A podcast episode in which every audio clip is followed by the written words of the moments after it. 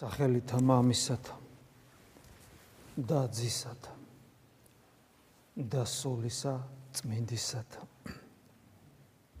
დღევანდელ სახარებაში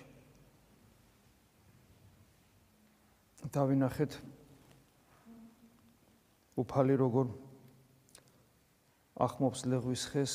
ეს ჩვენთვის ცნობილი სიუჟეტია რა თქმა უნდა. და რომელიც რა თქმა უნდა კიდევ ერთხელ ჩაგვაფიქრებს ჩვენს დაგვაფიქრებს ჩვენს სულიერ ცხოვრებაში, ცხოვრებასთან დაკავშირებით. ხომ არ ვართ ჩვენის უნაყოფო ლეღნი? ან თუ ვართ, რომელს დავინახოთ, რომელსაც ناقოფი არ გამოაქვს.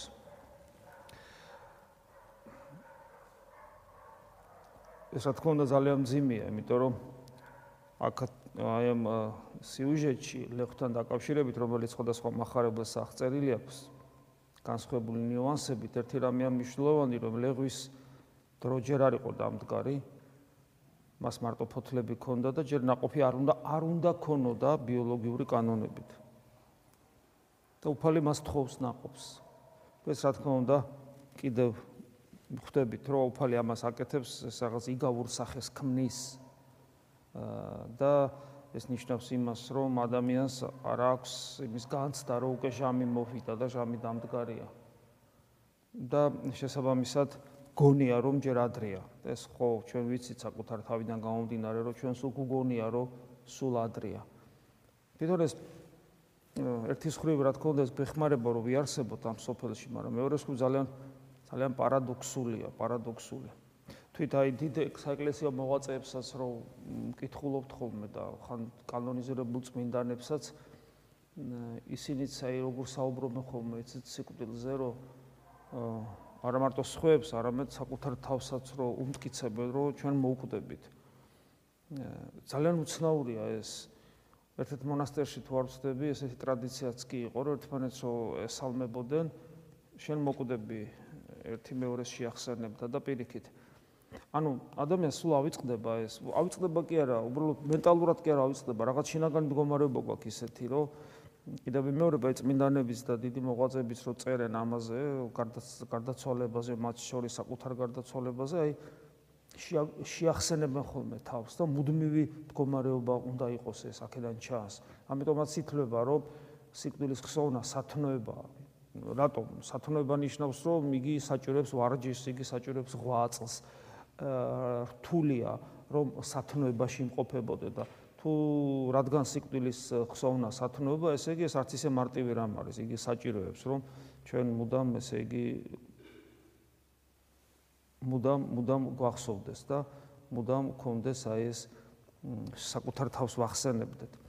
ხო და ეს ლეღვის ხის ამბავი კიდევ ერთხელ ჩაგვაფიქრებს ამ მიმართულებით და გვაჩვენებს რომ ჩვენ გგონია რომ დრო არ დავდგარათ ჩვენ გგონია რომ ჯერ ناقოფი არ უნდა გქონდეს.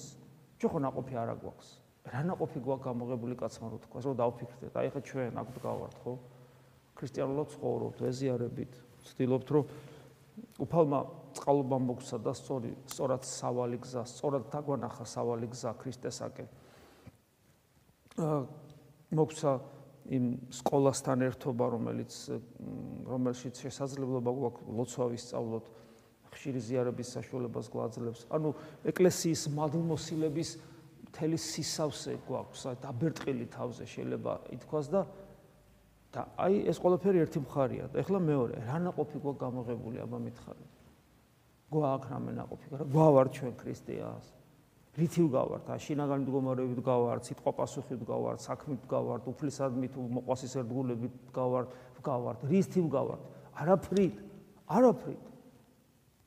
ხო და აი და და გულარხენიც ხო ვართ ამასთან ერთად, ვართ გულარხენი. თუ ესე რას ნიშნავს? აი ლეღვის ხე ვართ რა, რომელსაც ნაყოფი არ აქვს გამოღებული და ფიქრობს, რომ ჯერ ადრეა და ადრეა რომ ადრეა. და ხო ვიცით ეს ეს რა დაავადება ეს ადრე 90-ის გახდები 100-ის გახდები და გეგონება რომ ჯერ ადრეა ეს ესი და მე აი ამ სიუჟეტში პარალელურად ჩანს რასაკეთებს უფალი ხო გამოდევნის ტაძრიდან იმ სყიდველებს ევაჭრებს და რას ამბობს იქ რომ ეს არის სალოცავი სახლი და თქვენ ავაზაკებების ქვაბად გადაგიქცევიათ.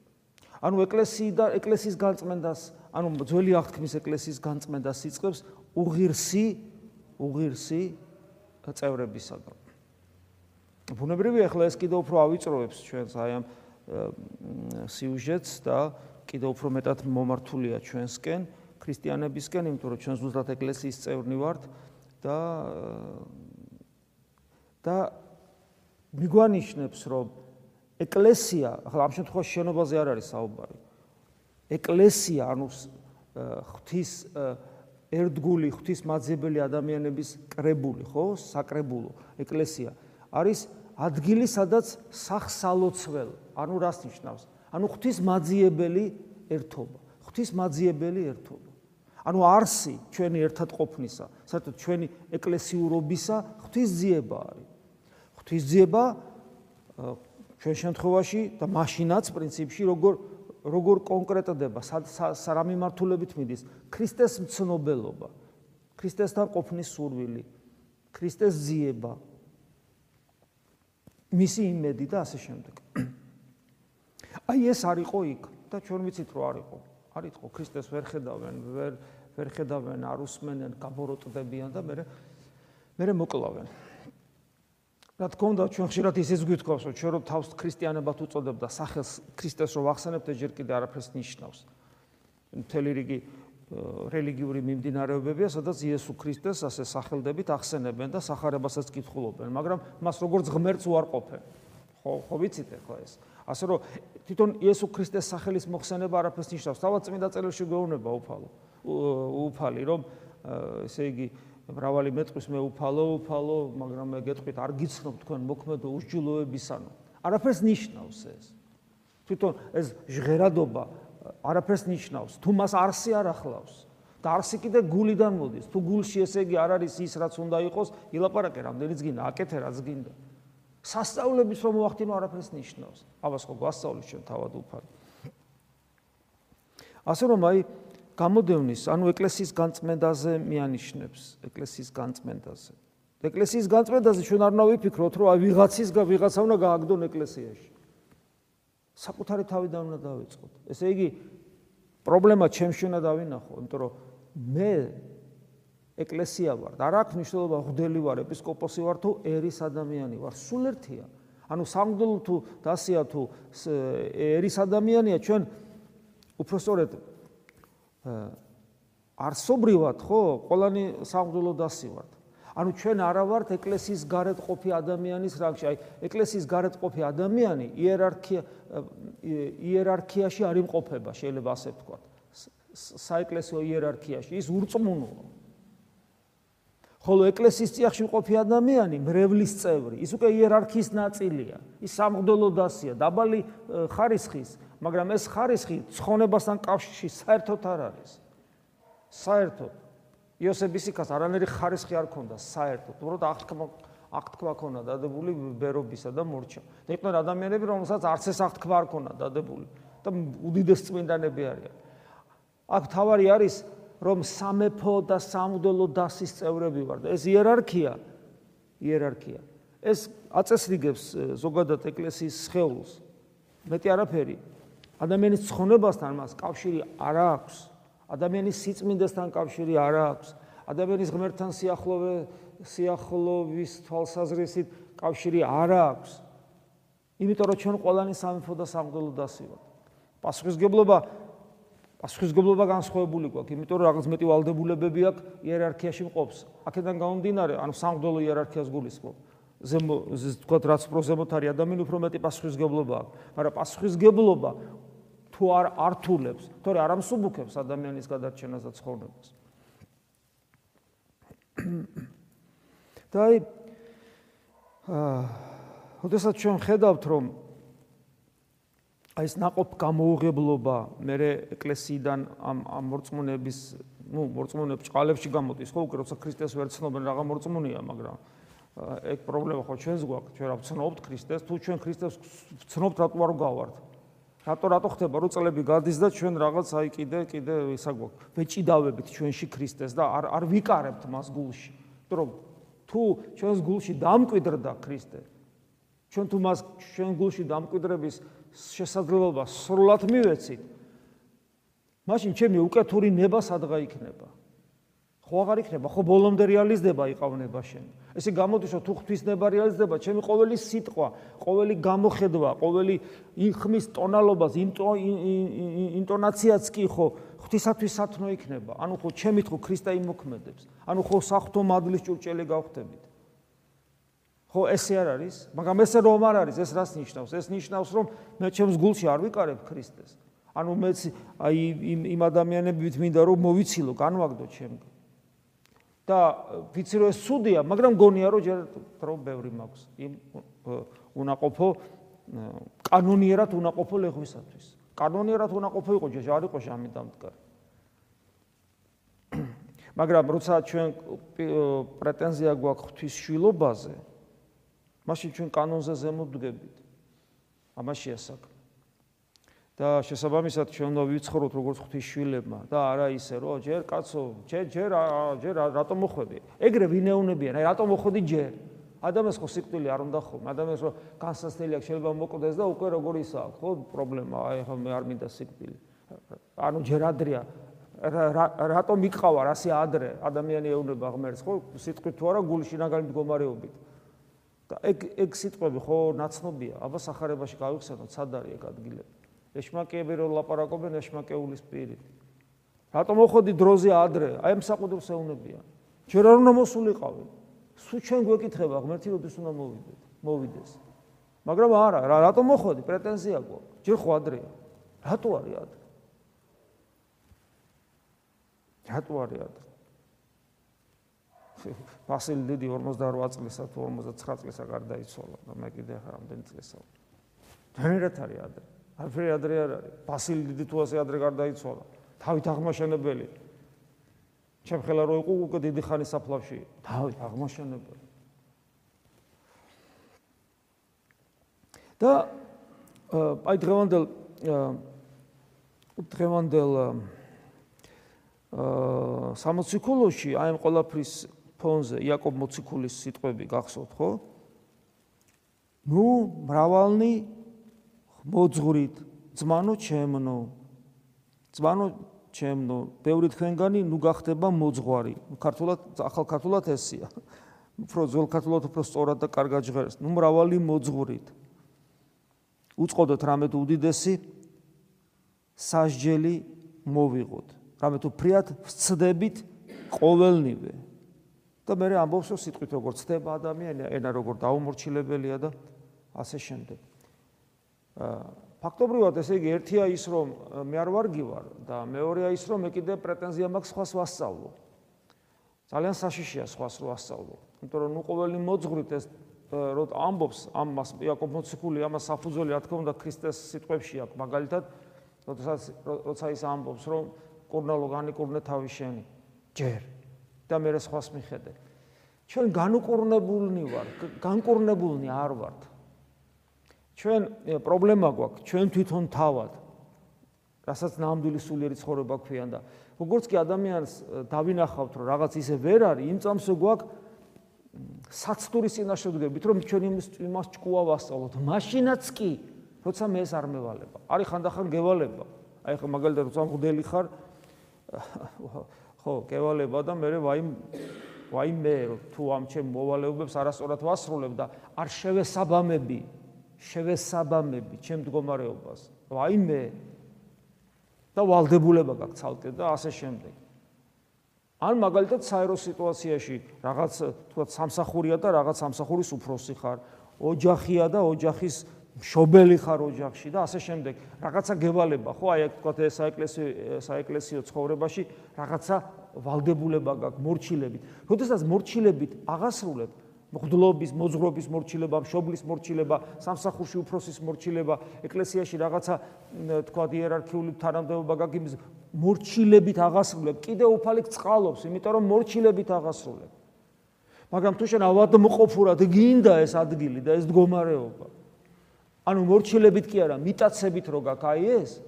უკვე პრობლემაა, იმიტომ რომ ჩვენ თავად განუკურნებელი ვარ და სხვას რა უნდა დავეხმარო. ამას ემატება ისა ეს ამბიცია.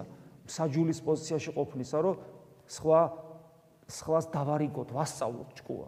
გავინახავ რაღაცა არ მომეწონება რაღაცა ისე დგას ადამიანში, მოდი ახლა მე შენ გასწავლო. აი ეს საშინელი მდგომარეობა არ შეიძლება ამის გაკეთება. არ შეიძლება. და აი იაკობ მოციქულიც მეუბნება, ნუ ყოველი მოძღვრება. საერთოდ ერთ-ერთი პრობლემა რაც ჩვენ სულიერ განვითარებას აფერხებს მრავალთან ერთად ჩვენ ყოველთვის საუბრობთ ამაზე რა თქმა უნდა ერთ-ერთი მთავარი პრობლემა არის ეკლესიის ვერ გაგება. კიდევ ვერ გვესმის რა არის არ გვესმის თუ ვერ გვესმის რა არის ეკლესია. ჩავთვალოთ რომ ეკლესია თავად ქრისტეა გესმით, ეს თუ ესე არ დავინახე, ну გასაგებია რომ პირდაპირ გაგებით ეს ასე არ არის, საფრთხეს მოტყოლობ ძალიან დიდი გაგებით, მაგრამ არც თლათ უზუსტობა, იმიტომ რომ ეკლესია ქრისტეს მისტიური სხეულია.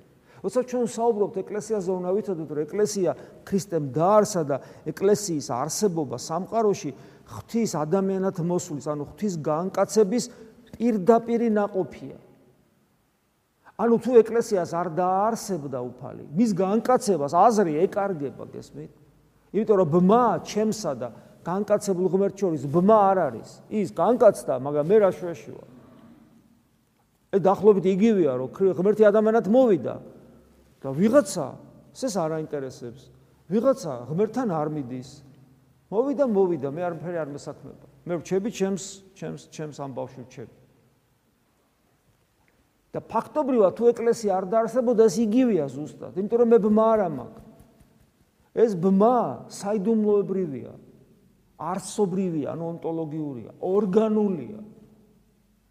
იმიტომ არის რომ უბრალოდ კი არ ვაღიარებ ქრისტეს როგორც სამწუხაროდ პროტესტანტები ფიქრობენ ვაღიარებ. არამედ საიდუმლოებით უერთდები მას ვინათლები მირონცხება ხდება და რა თქმა უნდა ზიარებით ვიკვებები და აი ეკლესიის ვერ გაგება, იმიტომ რომ ეკლესია აი ეს არის რაც თქვი. ну, არის უფრო ვიწრო განმარტება, ხო, როგორც აი ნიკოლას კავასილა ამბობს. აა ვუყურებ ეკლესიას და ვხედავ ევქარისტიას, ანუ ზიარებას. აა ვუყურებ ევქარისტიას, ანუ ზიარებას და ვხედავ ეკლესიას და მეუბნება რომ ეკლესია ეს არის ზიარება. ზიარება, ანუ ქრისტეს ხორცია და რა რას ამბობს განსხვავებული? პავლე მოციქული წიგრი არ ამბობს, ეკლესია ქრისტეს სხეულია. ამ სხეულის გარეგანი გამოვლინება, რომელიც ჩანს, ვართ ჩვენ, იმიტომ რომ ჩვენ ხო ვეზიარებით, ჩვენ რო ვეზიარებით ხო ქრისტეს ორგანული ნაწილი ხდები და ჩვენ ჩვენ ჩანვართ მაგრამ ღმერთი არ ჩანს. ღმერთი იესო ქრისტეშიც არ ჩანდა ღმერთი რო გამოჩენილიყო იესო ქრისტეში ესე პირდაპირ ხორციელი თვალით ვინ რას გაბედავდა პირიქით მალავს მას არ უნდა რომ გამოჩნდეს.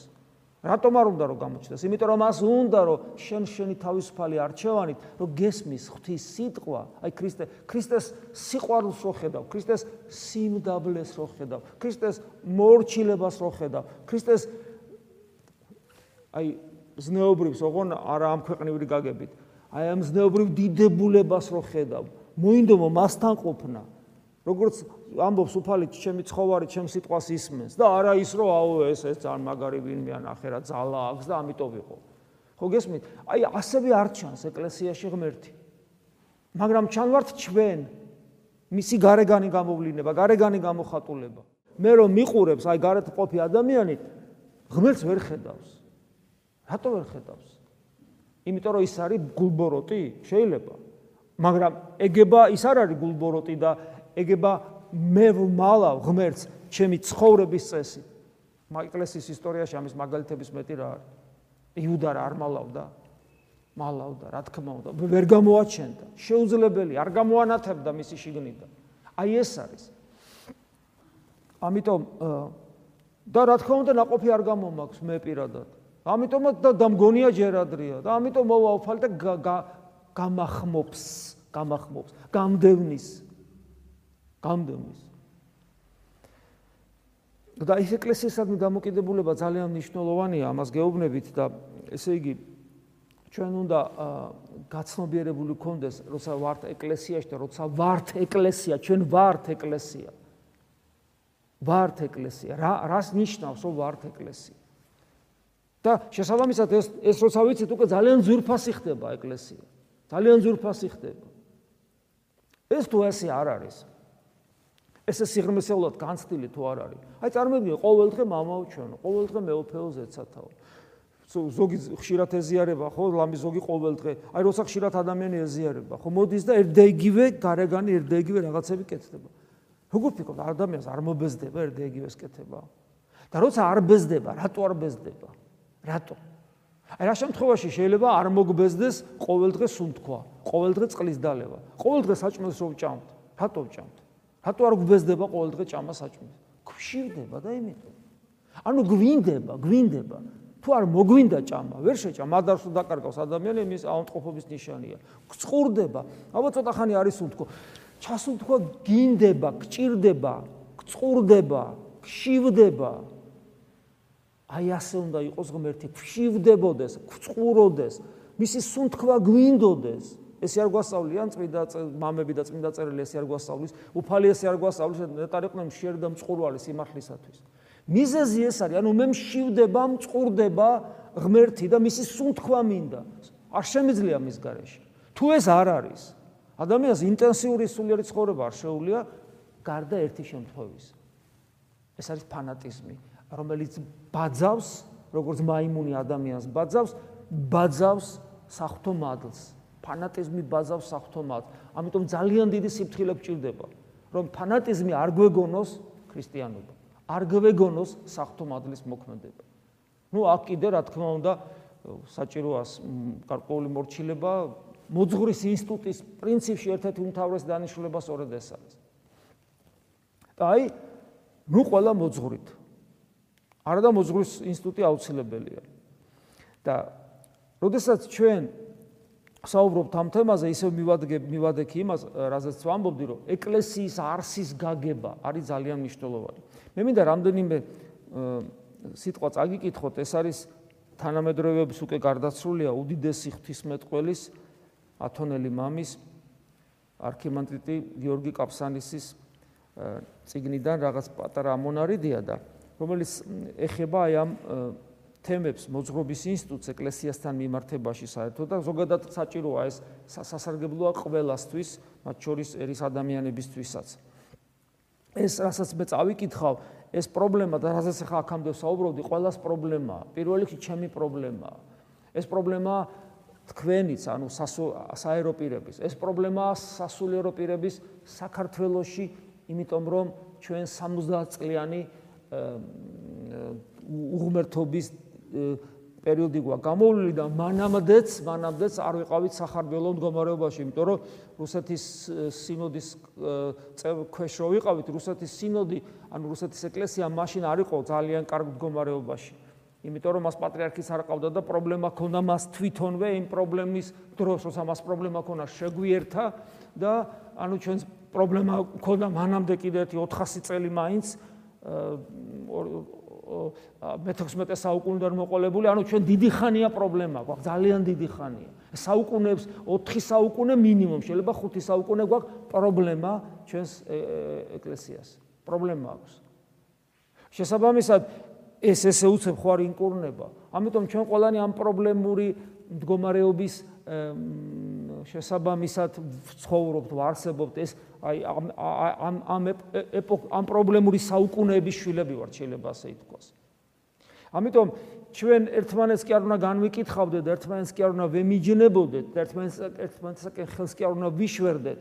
არამედ ეკლესიის არსი უნდა გავითავისოთ, ერთმან დავინახოთ ერთმანეთი როგორც ძმებმა და დებმა დაძმამ, ანუ შვილებმა ერთი ღმერთისა, ესე დავინახოთ.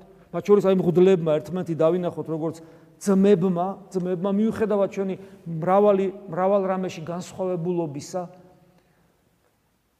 იმიტომ რომ ერთი ერთი სხეულის ორგანული ნაწილი ვართ და ჩაუღმავდეთ ჩვენს ქრისტიანობას, ჩვენს ეკლესიურობას, გავიაზროთ ეკლესიის არსი და ძალიან ბევრი ვეძებოთ. და ვეძებოთ პირველ რიგში საკუთარ თავში ის პრობლემები, რომელსაც პრობლემას რო ვხედავ, პრობლემას რო ვხედავ, არ მქონდეს ესე იგი სპონტანური რეაქცია, რომ აი იმ იმ სხვა მღვდელში დავინახო პრობლემა, არამედ ჩემით დავიწყო, ჩემით დავინახო. და აი ასე ადამიანი იპოვის მიზეზებს, მიზეზებს იპოვის. და მე თუ ღმერთი მისცემს ამის საშუალებას, ეს მიზეზებიც გაახმოვანოს და ერთმანეთს ამით დავეხმარო. ძალიან ბევრ საუბრობს გიორგი მამა გიორგი კაპსანისი იმაზე რომ ეკლესია გამიწიერებულია, ბუნებრივია, როგორც კი ღვთისმადლი დაკნინება ხდება, ეკლესია მიწიერი ხდება. გამიწიერება ხდება, მამასოფლის სული შედის, მას ეს შედის, მაშინ ეს თელ რიგ პრობლემებს იწვევს. აი მაგალითად ესეთ რამეს ამბობს. რომ გამიწიერება რყნის მე ჩამოვთვლი ხო შეიძლება რაღაც მე პირდაპირ ესეთ ლოგიკური ბმა არ იყოს მაგრამ ეს არის ერთგვარი თეზისები განჟისთვის რომ მე ჩვენ ვიფიქროთ ამაზე ვიფიქროთ გამიწიერება რყნის ღვთისმეტყველებას და მას უნაცვლებს ფილოსოფიას. დღევანდელი თეოლოგია სამწუხაროდ ძალიან ხშირ შემთხვევაში ხდება ასეთი თეოლოგია მოწყვეტილი ცოცხალ ღმერთთან ცოცხალ ურთიერთობას. და თეოლოგია გადაიქცეულია ფილოსოფიად, ანუ სოფხედელობა, ქრისტიანობა როგორც იდეა. ქრისტიანობა როგორც იდეა და როგორც დოქტრინა მხოლოდ არაფერს ნიშნავს, თუ ცოცხალ ღმერთთან კავშირი არ იქნება. ამიტომ ეს ძალიან მნიშვნელოვანია. ამიტომ შეიძლება ადამიანმა იდეალურად იცოდეს თეოლოგია ამ კუთხით, ესე იგი მრავალი შრომის ავტორი იყოს და დოქტორის და აკადემიკოსის თეოლოგიის, მაგრამ ქრისტიანიც კი არ იყოს უბრალოდ. უბრალოდ ქრისტიანი არ იყოს. იმიტომ რომ მისთვის ფილოსოფიაა ეს და მეტი არაფერი, ლამაზი, მაგრამ ფილოსოფია. ასევე გამიწიერება ეკლესიის არყნის მოძღრობას, მოძღრობას და მას ფსიქოლოგიათ აქცევს. ანუ მოძღვარი ფსიქოლოგის როლს ირგებს უნდა თუ არ უნდა და უბედურება ისაა რომ ადამიანებიც თვითონ რომ მოდიან ეხლა მე რამდენჯერ მithქვია კაცო მოდის ადამიანები მელაპარაკება მელაპარაკება შეიძლება ვერებს მელაპარაკები მე ფსიქოლოგი ხო არა ვარ? ხატო მელაპარაკები ამთან აღარ ლაპარაკობ კიდე უფრო სისულელებზე ლაპარაკობს. ხანდახან ადამიანი მოზღვარი ყოვლის ყველაფრის მწოდნე გონია და ნებისმიერ თემებზე საუბრობს მაგრამ თავარზე არ საუბრობს. ქრისტე როგორ ვეძებო აი ადამიანს შია წყურია ქრისტე მოდის და უნება ქრისტე მინდა ვეძებო.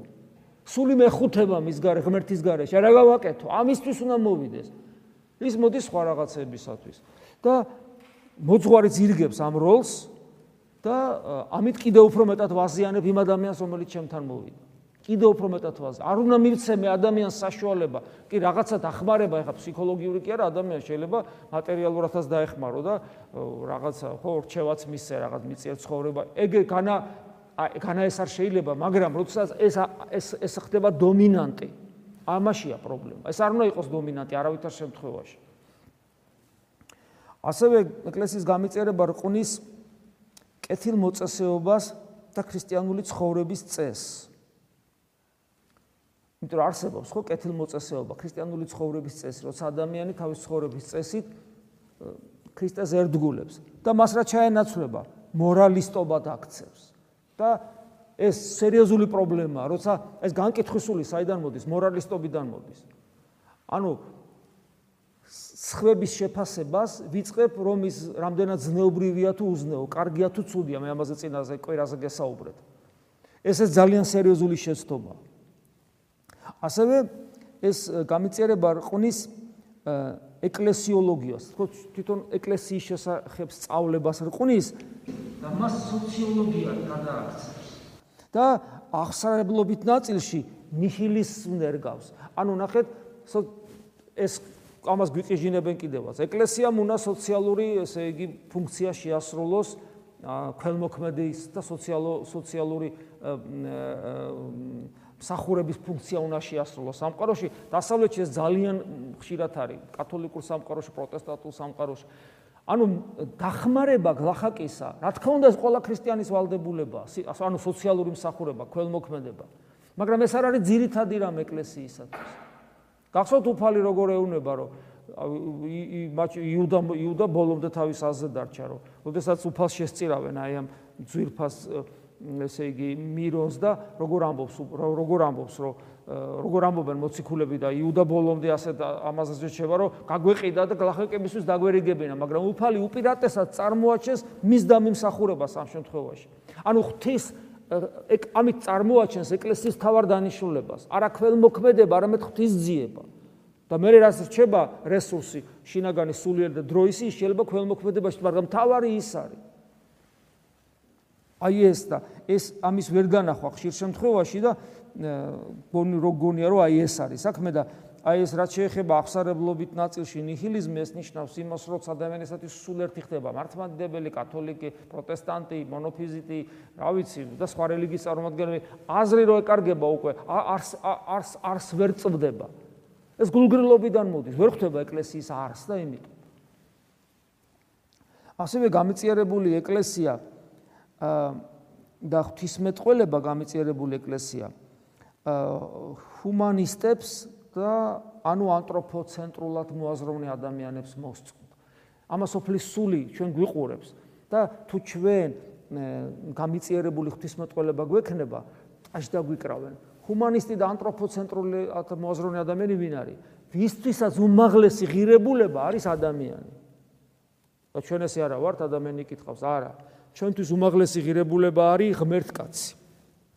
რატო? რა განსხვავება? ის განსხვავებაა, რომ ქრისტე როგორც უმაღლესი ღირებულება იქ ადამიანიც არის. ოღონ ადამიანი ძალიან დიდი ასოთი, ანუ ადამიანი რომელიც გააღმრთობილია, ადამიანი უმაღლეს პედესტალზე დაყენებული, ადამიანი როგორც ღვთის შვილი და თავად მადლით ღმერთი. და თუ ამას მოაცილებ და მარტო ადამიანს დატოვებ, რა არის მარტო ადამიანი? დღეს არის ხვალე არ არის, ჩალასავით არის, მინდვრის ბალახივით არის. ანუ როდესაც ამბობ რომ აი მთავარი ადამიანია, ეს უკვე ტყუილია ძილშივე, იმიტომ რომ ადამიანს ვერაფერს ვერ მისცემ. დროებით რაღაც თავზე ხელს გადაუსვა მის ვნებებს წაახალისებ მის მანკიერებებს ხელს შეუწყობ რომ განვითარდეს ქალებს ბავშვებს მუცელში დაახოცინებ იმიტომ რომ შენი უფლებაო ეტყვი და ასე შემდეგ და ასე შემდეგ საბოლოო ჯამში მოკვდება და რა შეეხმარება ხოლო როცა უმაღლეს ღირებულება იესო ქრისტეა იქ მარტო ღმერთი ხომ არ არის? იესო ქრისტე ხომ მარტო ღმერთი არ არის? ადამიანიც არის. შესაბამისად და ადამიანი სად არის? სად არის ადამიანი? ყოლა წმინდა სამების წიაღში მარჯონით მამისა როგორც ღვთის შვილი. რა თქმა უნდა ეს არის ძალიან მნიშვნელოვანი. ამიტომ ჩვენ არ უნდა ვიცხოვრო არ უნდა მოვიქცეთ ის რომ ჰუმანისტებმა ტაში დაგვიკრან. და იმათ რა მოეწონებათ ამას ჩვენთვის მნიშვნელობა არ უნდა კონდეს მოძღვრებისათვის და ღვთისმეტყველებისათვის ძალიან დიდი საცდურია ზოგადად აი ახლა ვაგზელებ ამ თემას ამასულის მატარებელი ადამიანების სათვის რომ სათნო და სათნო გამოჩნდნენ და მათიანები რო გახდნენ. კიდევ აი იგივე ეს. დღეს ეს ეს ეს ტენდენციაც იგზნობა. რომ აი მისიონერული თვალსაზრისით მოვიქცე ისე, რომ ყოველას მოვეწონო. ყოველას არასოდეს არ მოვეწონებ. არასოდეს არ იქნება ისე, რომ ამასოფლის სულმა ქრისტე შეიყვაროს. შესაბამისად, ამასოფლის სული არასოდეს არ შეიყვარებს ეკლესიას. ეს არის ძალიან მნიშვნელოვანი გახსოვდეს.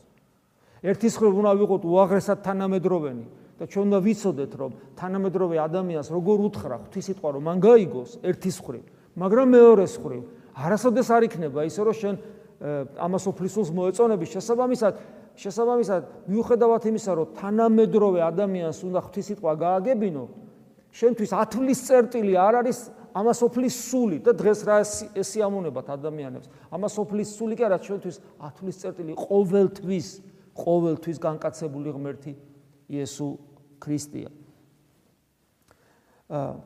და აი როცა ეკლესია გამიწიერდება, მე ესეთ რამე ხდება, რომ საფრთხო კანონებს უარყოფს. ამბობს, რომ ეს ძალიან მოძველებულია. არსებობს ორი მიდგომა, სწორედ. როცა ერთი მიდგომა, როდესაც საფრთხო კანონები არის უმთავრესი კანონების აი ეკლესიისადმი მიდგომა, როდესაც თავარი არის, ესე იგი, კანონი ამ სიტყვის შრალი გაგებით და ფაქტობრივად ეს ადამიანს ფანატიზმისკენ უბიძგებს, იურიდიული სულისკენ უბიძგებს და იურიდიული სულთან ფანატიზმი ახლოს არის. მეორე უკიდურესობა სრული ლიბერალიზმი, როცა საერთოდ ყველაფერ კანონს ნიველირებას ახდენს და არაფერს მნიშვნელობა აღარ აქვს. ორივე უკიდურესობა და არც ერთი არ ვარგა. და საფრთხო კანონების გარეშე აა ესე იგი გამოდის რომ და კანონი ჩვენთვის, კანონი ჩვენთვის იურიდიული სულის მატარებელი შრალად თუ წაიკითხავ, იურიდიული სულის მატარებელია.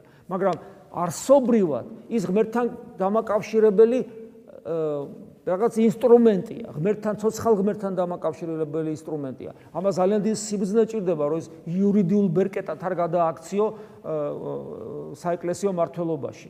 არამედ ის არის საშუალება ადამიანები ღმერთთან მიიყვანოს. ერთგვარი ყავარჯენია, სათვალეებია, როცა ადამიანი ვერ ხედავს და ასე შემდეგ.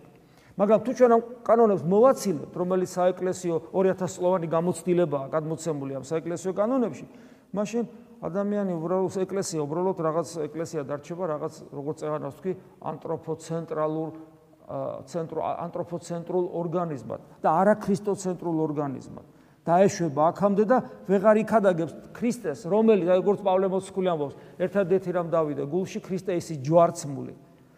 რომელიც რომელიც იუდეველებისათვის, ანუ იმ იმ იმ ადამიანებისათვის, რომლებიც სარწმუნოებაში რაღაცა სასწაულს ეძებენ, ან ძალმოსილებას ეძებენ ღმერთისგან, ასეთი ადამიანი იუდეველი ამას ნიშნავს. ამ შემთხვევაში იუდეველი ნიშნავს არა იმ გაგებით იუდეველს, თქვა ნაციონალური თვალსაზრისით, არამედ იმ ტიპის მორწმუნეს, რომლისათვისაც თავარი არის ღვთის ძალმოსილების დანახვა. ასეთი ადამიანებისათვის ჯვარცმული ქრისტე არის, რა თქმა უნდა, საცდური და ელინებისათვის, ახლა ელინის ამ შემთხვევაში ბერძენს კი არ ნიშნავს, არამედ იმ ტიპის მორწმუნეს, რომელიც ფილოსოფიას ანიჭებენ უპირატესობას და მაშინ ქრისტიანობა სისულელე გამოდის საერთოდ. იმიტომ რომ ასნიშნავს ჯვარცმული ღმერთი. მაგრამ ჩვენ ზუსტად აი ასეთი ღმერთის მიმდევარნი ვართ. შესაბამისად ჩვენი აზროვნება მთლიანად, მთლიანად ეკლესიური სული არის ქრისტოცენტრული. როგორც კი ამას მოწყდები, ყველაფერი თავდაყირად გები. ამდენ იმიტომ ვისაუბრეთ ეკლესიასთან დაკავშირებით, რომ თუ ეკლესიის არს კარგად ვერ გავიგებთ, ჩვენ ყველა შემთხვევაში აღმოჩნდებით ისეთი ქრისტიანები, რომლებიც ვერ ერკვევიან რა არის ქრისტიანობა, რომელსაც არ რომელთა კურნება ჩინაგანად არ ხდება და ესე იგი შესაბამისად ჩვენ ჩვენი ჩვენ ვერ ვიგებთ რა რატო ვართ ეკლესიაში არ არ ვინკურნებით იწება ეს უბედურება რაც ხდება ჩვენ თავსაც და საერთოდ თლიანობაშიც ეკლესიაში როდესაც აი ამ ეკლესიის რომლის ორგანული ნაწილი ჩვენ ვართ, მის არს ჩვენ ვერ ვიგებთ.